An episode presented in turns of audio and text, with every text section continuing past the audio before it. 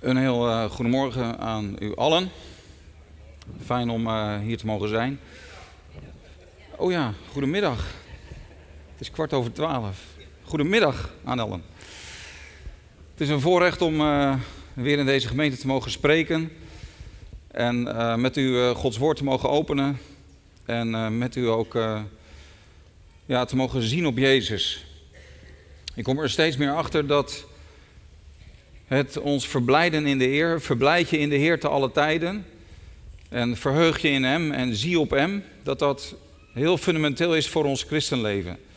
En ik hoop vanmorgen als we nadenken over Jezus in zijn overwinning, als we nadenken over het thema dat we blijdschap en vrede mogen ontvangen uh, omdat Jezus overwinnaar is, dat we dat ook echt zullen zien. Dat we dat zullen zien, ook met de ogen van ons hart, dat Jezus heeft overwonnen. We hebben net gezongen, waardig is het lam hij is het lam dat nu zit op de troon. Hij is het lam dat regeert.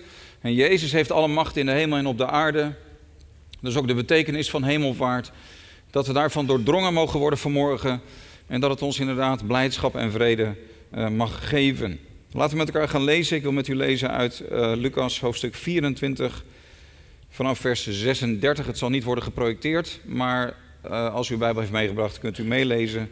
Of u kunt even op uw telefoon meelezen. En ik lees u voor uit de herziene statenvertaling Lucas 24 vanaf vers 36. En toen zij over deze dingen spraken, over dat sommigen zeiden, de Heer is werkelijk opgewekt, stond Jezus zelf in hun midden en hij zei tegen hen, vrede zij u. En ze werden angstig en zeer bevreesd en dachten dat ze een geest zagen. En hij zei tegen hen, waarom bent u in verwarring en waarom komen zulke overwegingen op in uw hart? Zie mijn handen en mijn voeten, want ik ben het zelf. Raak mij aan en zie, want een geest heeft geen vlees en beenderen zoals u ziet dat ik heb. En terwijl hij dit zei, liet hij hun de handen en de voeten zien. En toen ze het van blijdschap nog niet geloofden en zich verwonderden, zei hij tegen hen, hebt u hier iets te eten? En ze gaven hem een stuk van een gebakken vis en van een honingraad. En hij nam het aan en at het voor hun ogen op. En hij zei tegen hen: Dit zijn de woorden die ik tot u sprak toen ik nog bij u was: dat alles vervuld moest worden wat over mij geschreven staat in de wet van Mozes en in de profeten en in de psalmen. En toen opende hij hun verstand, zodat zij de schriften begrepen. En hij zei tegen hen: Zo staat er geschreven, en zo moest de Christus lijden en uit de doden opstaan op de derde dag. En in zijn naam moet onder alle volken bekering en vergeving van zonde gepredikt worden, te beginnen bij Jeruzalem. U bent van deze dingen getuigen. En zie, ik zend de belofte van mijn vader op u. Maar blijft u in de stad Jeruzalem, totdat u met kracht uit de hoogte bekleed zult worden. En hij leidde hen naar buiten tot bij Betanië. En hij hief zijn handen op en zegende hen. En het geschiedde terwijl hij hen zegende dat hij zich van hen verwijderde. En hij werd opgenomen in de hemel. En zij aanbaden hem en keerden terug naar Jeruzalem met grote blijdschap. En ze waren voortdurend in de tempel terwijl ze God loofden en dankten. Amen. Wij lezen hier aan het einde van het Lucas-evangelie dat zij met grote blijdschap terugkeerden naar Jeruzalem. De openbaring van Jezus, dat ze Jezus in zijn verheerlijkte lichaam mochten zien, leidde tot grote blijdschap bij de discipelen. We hebben al eerder gelezen in vers 41, toen ze het van blijdschap nog niet geloofden. Dus er kwam vreugde, er kwam diepe, diepe vreugde in het leven van de gelovigen. En we lezen ook dat Jezus in hun midden stond en dat hij toen tegen hen zei: Vrede zij u. Dus deze twee emoties kom ik tegen in dit Bijbelgedeelte: blijdschap en vrede. Blijdschap en vrede heeft u mij gegeven, zingen we in een van onze liederen. En als we nadenken over de situatie waarin de discipelen zich bevonden en wat ze hadden meegemaakt in de periode daaraan voorafgaand, dan zien we des te meer hoe mooi het is dat dit gebeurde. Want zij hadden heel moeilijke dingen meegemaakt. Um, Het was heel anders gelopen dan ze hadden verwacht. Ehm, ze hadden drie jaar met Jezus geleefd. Ze hadden de meest bijzondere dingen meegemaakt die een mens kan meemaken in dit leven. Ze hadden geleefd met de meest bijzondere mens die deze wereld ooit heeft gekend, met Jezus. Ze hadden gezien hoe hij velen heeft genezen en bij vele demonen heeft uitgedreven, hoe hij doden heeft opgewekt. Ze hadden naar zijn onderwijs geluisterd en aan zijn lippen gehangen, want hij sprak als geen ander en hij sprak met gezag. En er waren ongelooflijk veel mensen op de been gekomen om naar Jezus te luisteren. En er gebeurde heel veel bijzondere dingen. Het was heerlijkheid, het was glorie, het was hemel, de hemel op aarde. Om met Jezus te leven. Maar daarna was het gegaan op een manier die, die hun volledig uit het lood moet hebben geslagen. Zij hadden niet verwacht dat het zo zou aflopen. Ze hadden niet verwacht dat het zou eindigen met zulke dramatische ontwikkelingen. Uiterst dramatisch wat er was gebeurd. Dat Jezus zo was behandeld, dat hij zo was afgewezen, zo was gehaat, dat er zoveel menselijk venijn naar boven was gekomen, zoveel onrecht ook wat over hem was, uitge over hem was gekomen, hoe onrechtvaardig mensen hem hadden behandeld.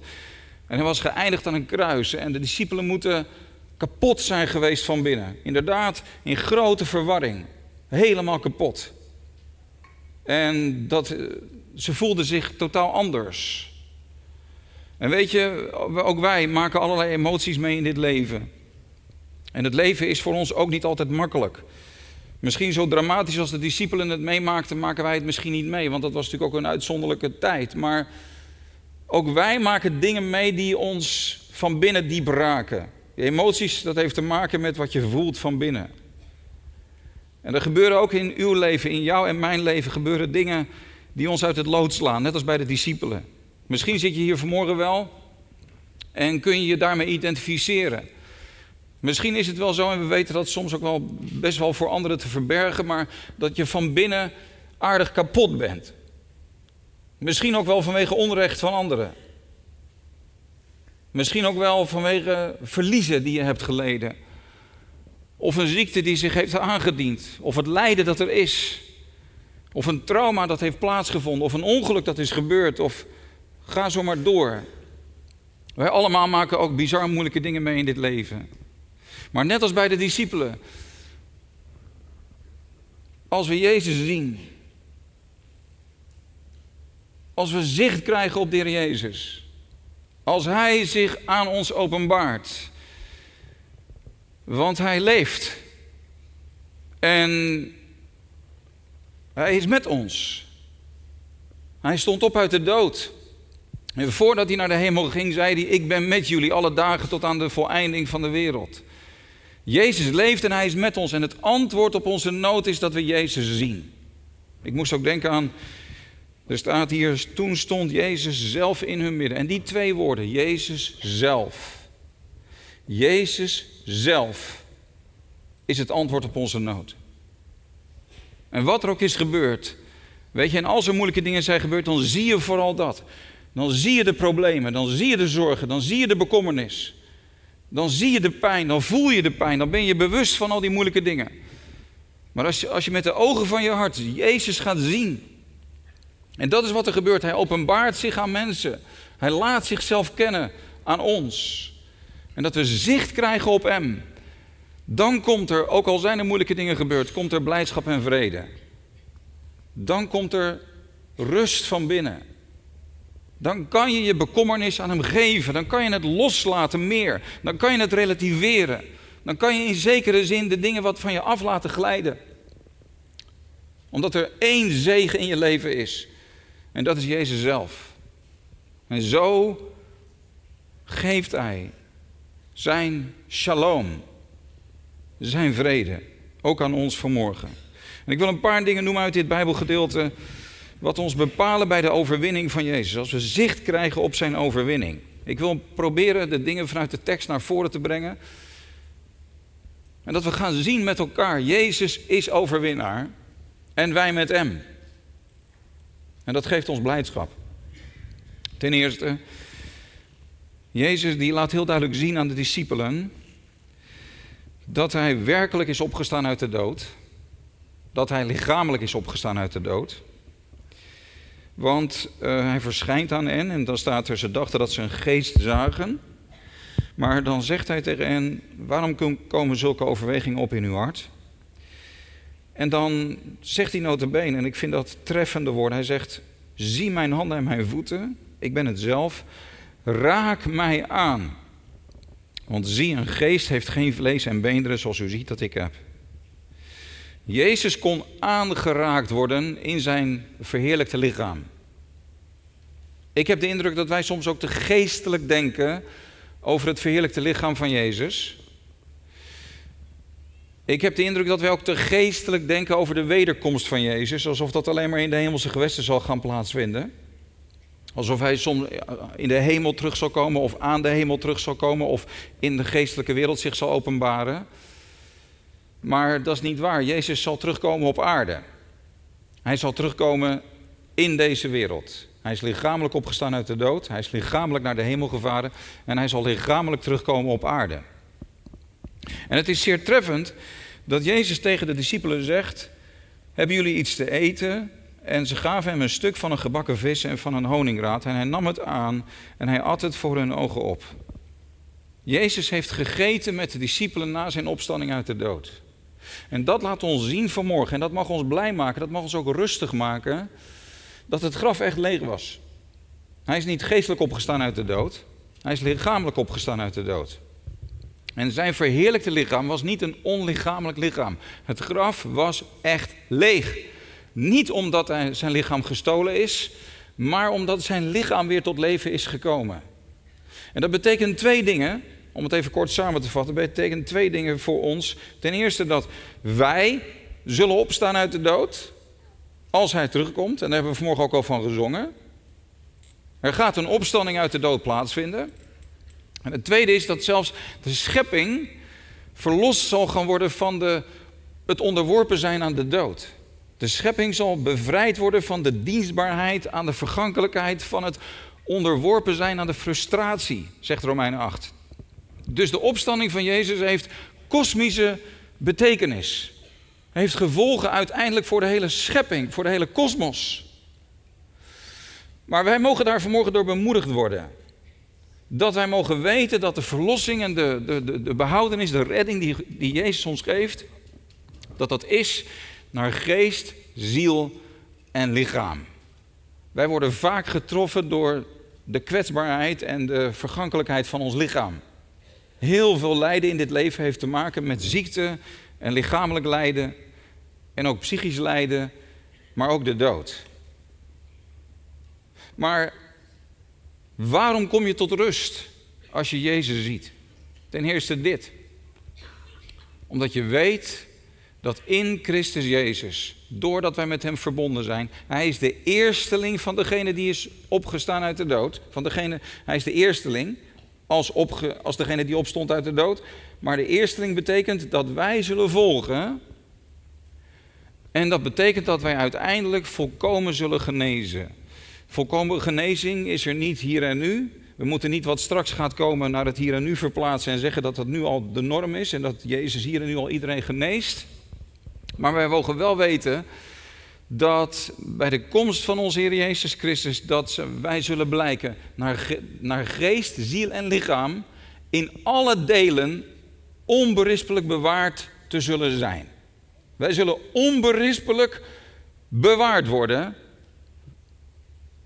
En dat is de overwinning die Jezus voor ons heeft behaald. Zelfs ons lichaam zal verlost worden.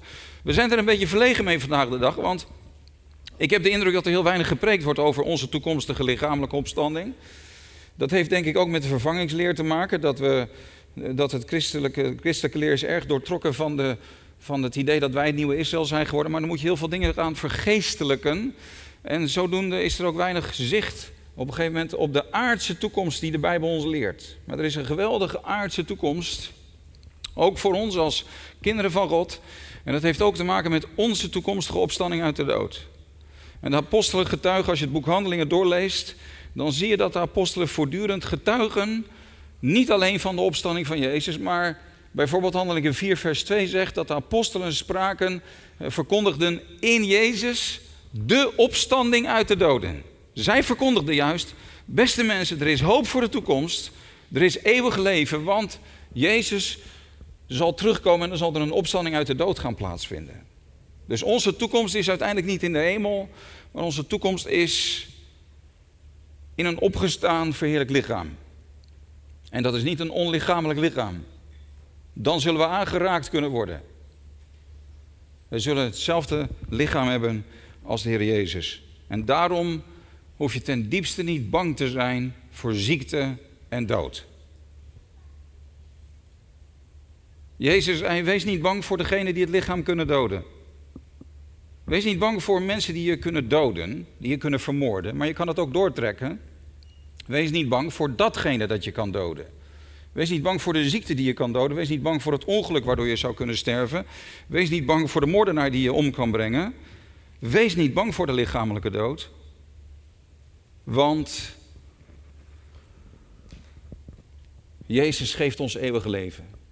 En ons lichaam zal uiteindelijk ook volkomen behouden worden. Dat geeft rust en vrede, ook als je ziek wordt.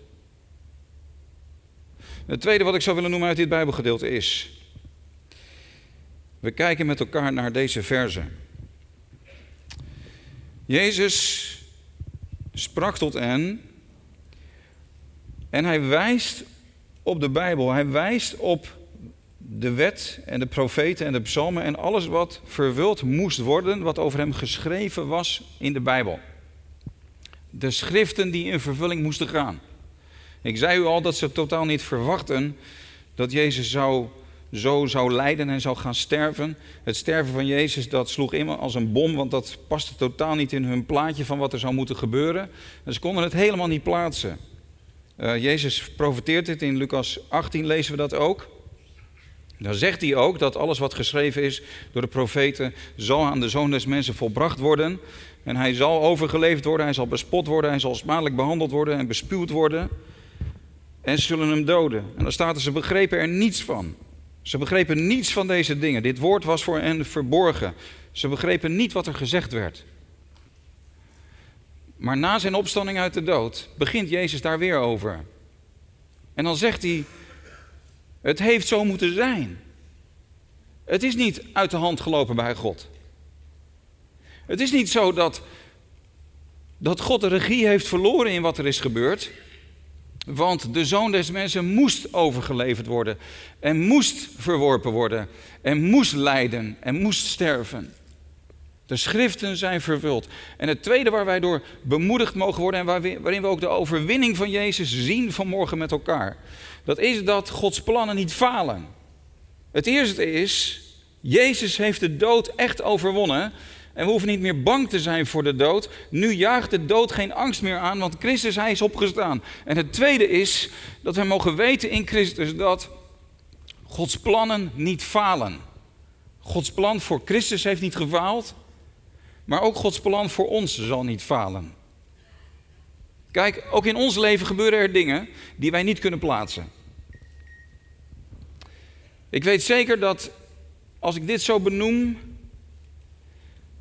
dat soms dingen gebeuren waardoor we in verwarring raken. Dat past niet in, die dingen die, die soms gebeuren passen niet in onze, de verwachting die we hadden, in in de hoop die we hadden, in de dromen die we hadden. Soms komen onze dromen niet uit. Soms breekt het ons bij de handen af. Er gebeuren dingen in ons leven en dan zeggen we, wat is Gods plan? En wat is de bedoeling hiervan? En dit kan ik helemaal niet plaatsen. Waar slaat dit op? Dit heeft geen zin. En daar kunnen we het ontzettend moeilijk mee hebben. Daar kunnen, kunnen we soms jaren mee zitten om bepaalde dingen te verwerken, om bepaalde dingen te accepteren. En dan vraag je je af, waar is God? En waar is zijn zegen? En waar is zijn plan voor mijn leven? En hoe, hoe is dat nou met zijn weg voor mij? Maar dit mag je weten. In het leven van Jezus liep het bij God niet uit de hand. En in ons leven loopt het bij God nooit uit de hand. En onze dromen komen niet altijd uit. En onze gebeden worden niet altijd verhoord. En ons leven gaat niet altijd zoals wij zouden willen dat het leven gaat.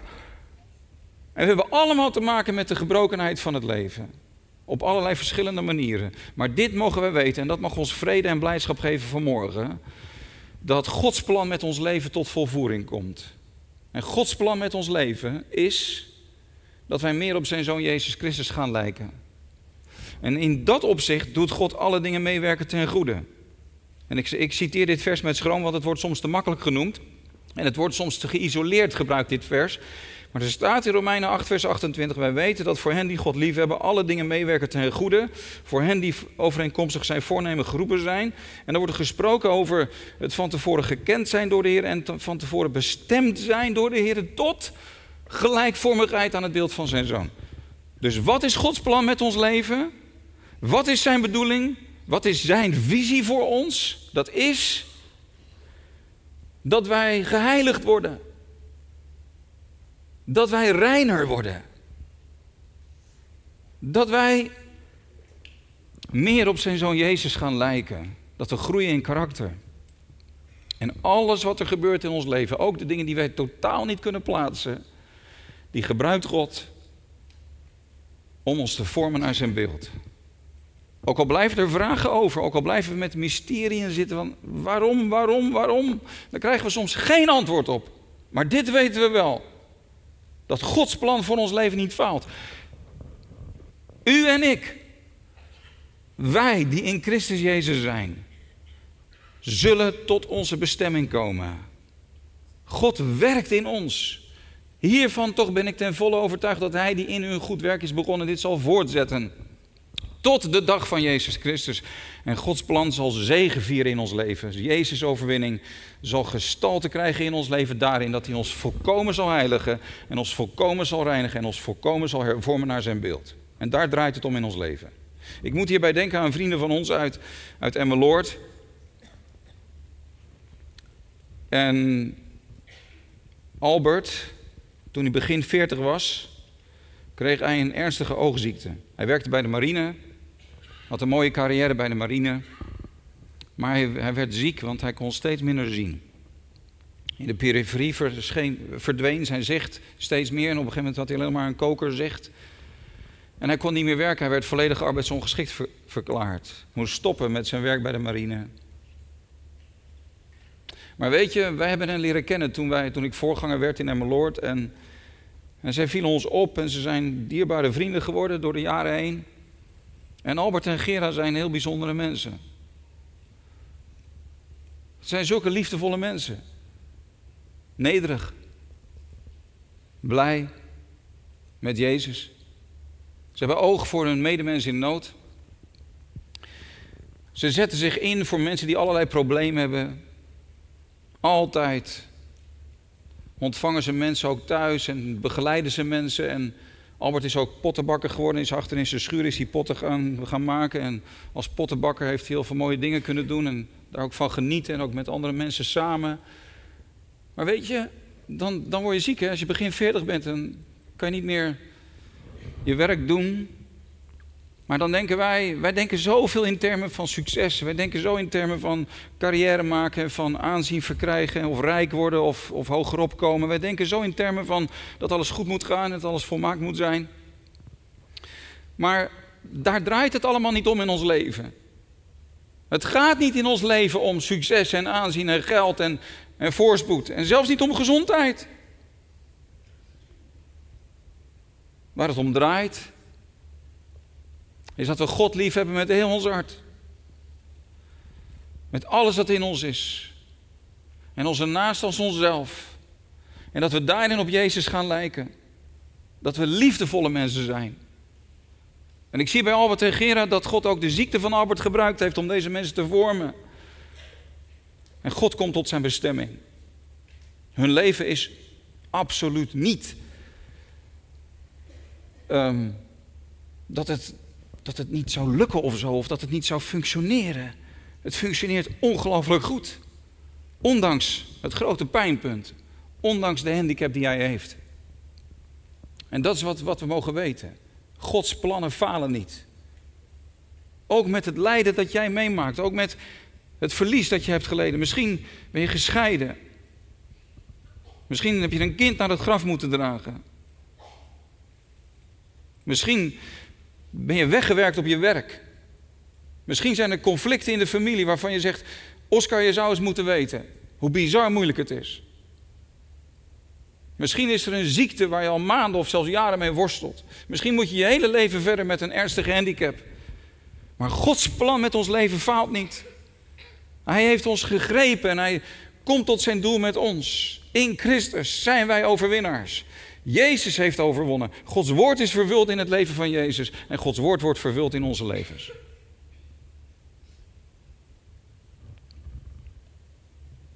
En zo mogen wij de Heer zien vanmorgen.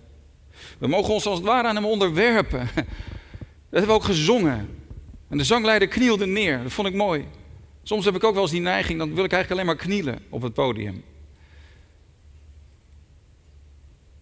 Maar weet je dat we ons onderwerpen? Dat we gewoon vanmorgen tegen Jezus zeggen: Jezus, dank u. U stierf mijn dood. U nam mijn straf op u. U heeft het oordeel voor mij gedragen. U bent voor mij overgeleverd. U was van God gescheiden. Voor in mijn plaats bent u veroordeeld. In mijn plaats bent u afgewezen. In mijn plaats moest u uitroepen: Mijn God, mijn God, waarom heeft u mij verlaten? Maar dat hoef ik nou nooit meer mee te maken. En u bent lichamelijk gestorven in mijn plaats. En nou mag ik weten dat, dat zelfs die lichamelijke dood voor mij niet meer angstaanjagend hoeft te zijn. En ik onderwerp me aan u als de Heer van mijn leven. U komt tot uw doel met mijn leven. Ik ben van u. U heeft mij, u heeft mij gekocht en betaald met uw bloed. Ik ben van u. Heer, ik leg mijn leven in uw hand. Wat er ook gebeurt, hervorm mij naar uw beeld. Dan ben je overwinnaar. Dan ben je in alle omstandigheden overwinnaar. En dat is het laatste wat ik wil noemen. Dan ben je ook in alle omstandigheden gezegend. Want Jezus hij verwijderde zich van hen. Hij ging naar de hemel. Afgelopen donderdag was het hemelvaartsdag. Hij ging van hen weg en hij werd opgenomen in de hemel. En er staat in, in handelingen wordt gesproken over een wolk. Maar bij die wolk moeten we ons niet voorstellen. We moeten bij die wolk niet voorstellen de wolk waar wij doorheen vliegen als we een vliegtuig nemen. Dan vlieg je door de wolken. Maar het was niet zo'n wolk. Nee, het was de Shekinah-heerlijkheid van God. Hij werd opgenomen in de hemel. En die hemel is niet ergens achter de wolken. Die hemel is niet ergens in het heelal. Nee, die, je kunt bij wijze van spreken je vinger uitsteken. Hier is de hemel. Hij werd in heerlijkheid opgenomen. En die heerlijkheid is hier. En hij zegt: Ik ben met je. In zijn hemelse heerlijkheid is hij heel nabij. Hij is hier. En in hem ben je altijd gezegend. Zo mooi. Hij leidde hen naar buiten tot bij Betania. Hij hief zijn handen op en hij zegende hen. Jezus ging al zegenend bij hen vandaan. Al zegenend. En hij blijft maar zegenen. Hij zegent ons nu vanuit zijn hemelse positie van heerlijkheid. En hij heeft alle macht in de hemel en op de aarde. En wij mogen voortdurend onder zijn zegen leven. Ook als we lijden, dan nog zijn we in zijn zegen. Hij geeft ons in alle omstandigheden van ons leven, ook als die moeilijke dingen gebeuren die ik allemaal benoemd heb eerder in deze preek, ook in de meest moeilijke tijden van uw bestaan, geeft Hij u en mij veel en veel en veel meer dan wij verdienen, want Hij geeft ons zichzelf. En hij geeft ons de gemeenschap met God. Hij geeft ons de hemel, hier en nu. De hemel is waar Jezus is. En dat is heerlijkheid. En daar mag je door bemoedigd worden vanmorgen. Ik wil twee zusters noemen die, uh, die wij de afgelopen tijd, waar wij de afgelopen tijd mee, contact mee gehad hebben. Afgelopen dinsdag waren wij bij een bij een vriendin van ons die maandenlang al ziek is geweest. En nu gelukkig gaat het wat beter met haar, maar ze heeft het ontzettend moeilijk gehad. Ze is lichamelijk heel benauwd geweest. En de meerdere keren heeft de familie afscheid van haar genomen, dat ze dacht dat ze het niet zou redden. Maar het gaat beter met, toch is ze er nog doorheen gekomen. Wonderlijk. En het gaat beter nu. En we waren bij hen afgelopen dinsdagavond. En het was zo bijzonder, want ze zat daar en we luisterden een beetje naar haar. En ze zei: Ik ben zo dankbaar De Heer heeft zoveel blijken van zijn aanwezigheid gegeven. Hij heeft ons zoveel knipogen gegeven. Een vrouw hè, die doodziek was, nog maar een paar weken geleden. Nog maar twee weken geleden. Een vrouw die lichamelijk heel benauwd geweest is. En dat is verschrikkelijk om lichamelijk heel benauwd te voelen. Maar ze zat daar en ze was een en al dankbaarheid. En ze zegt, ik ben gewoon zo blij. En weet je wat ze zei? Ze zegt, ik ben gewoon zo blij met de Heer Jezus. En Hij is zo nabij geweest, ook de afgelopen maanden. De hemel is waar Jezus is. In alle omstandigheden van het leven. Zegenend is Hij aanwezig in ons leven. Altijd zegenend. Een tweede, wat ik wil noemen, een tweede zuster. Annie Strietman. Ze is een paar weken geleden overleden. De vrouw van Joop Strietman. En ik ben erbij geweest.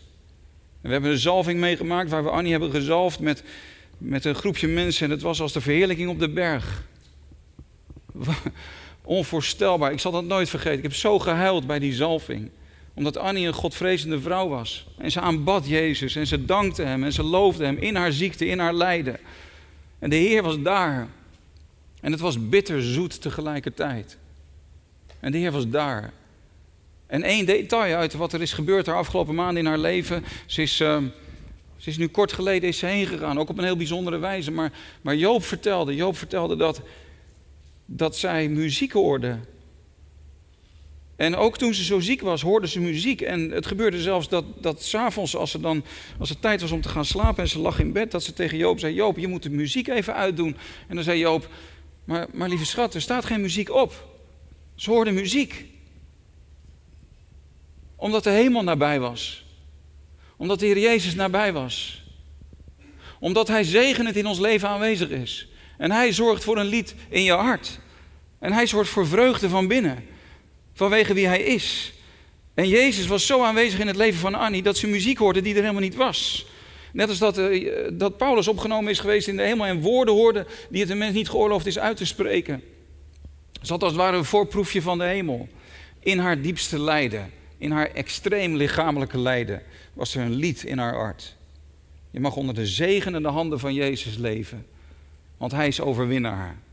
En Hij doet ons altijd in Hem zegenvieren.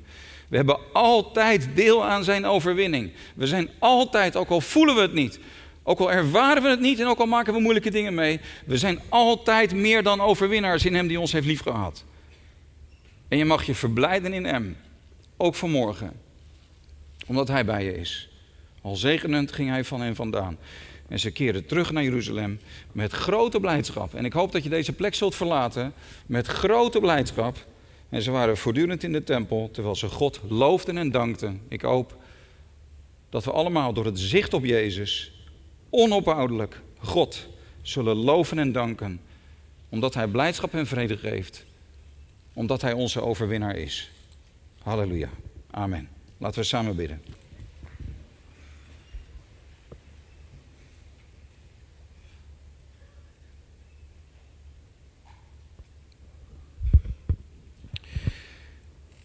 Heren, wij zijn u zo dankbaar dat wij met elkaar voor u mogen buigen.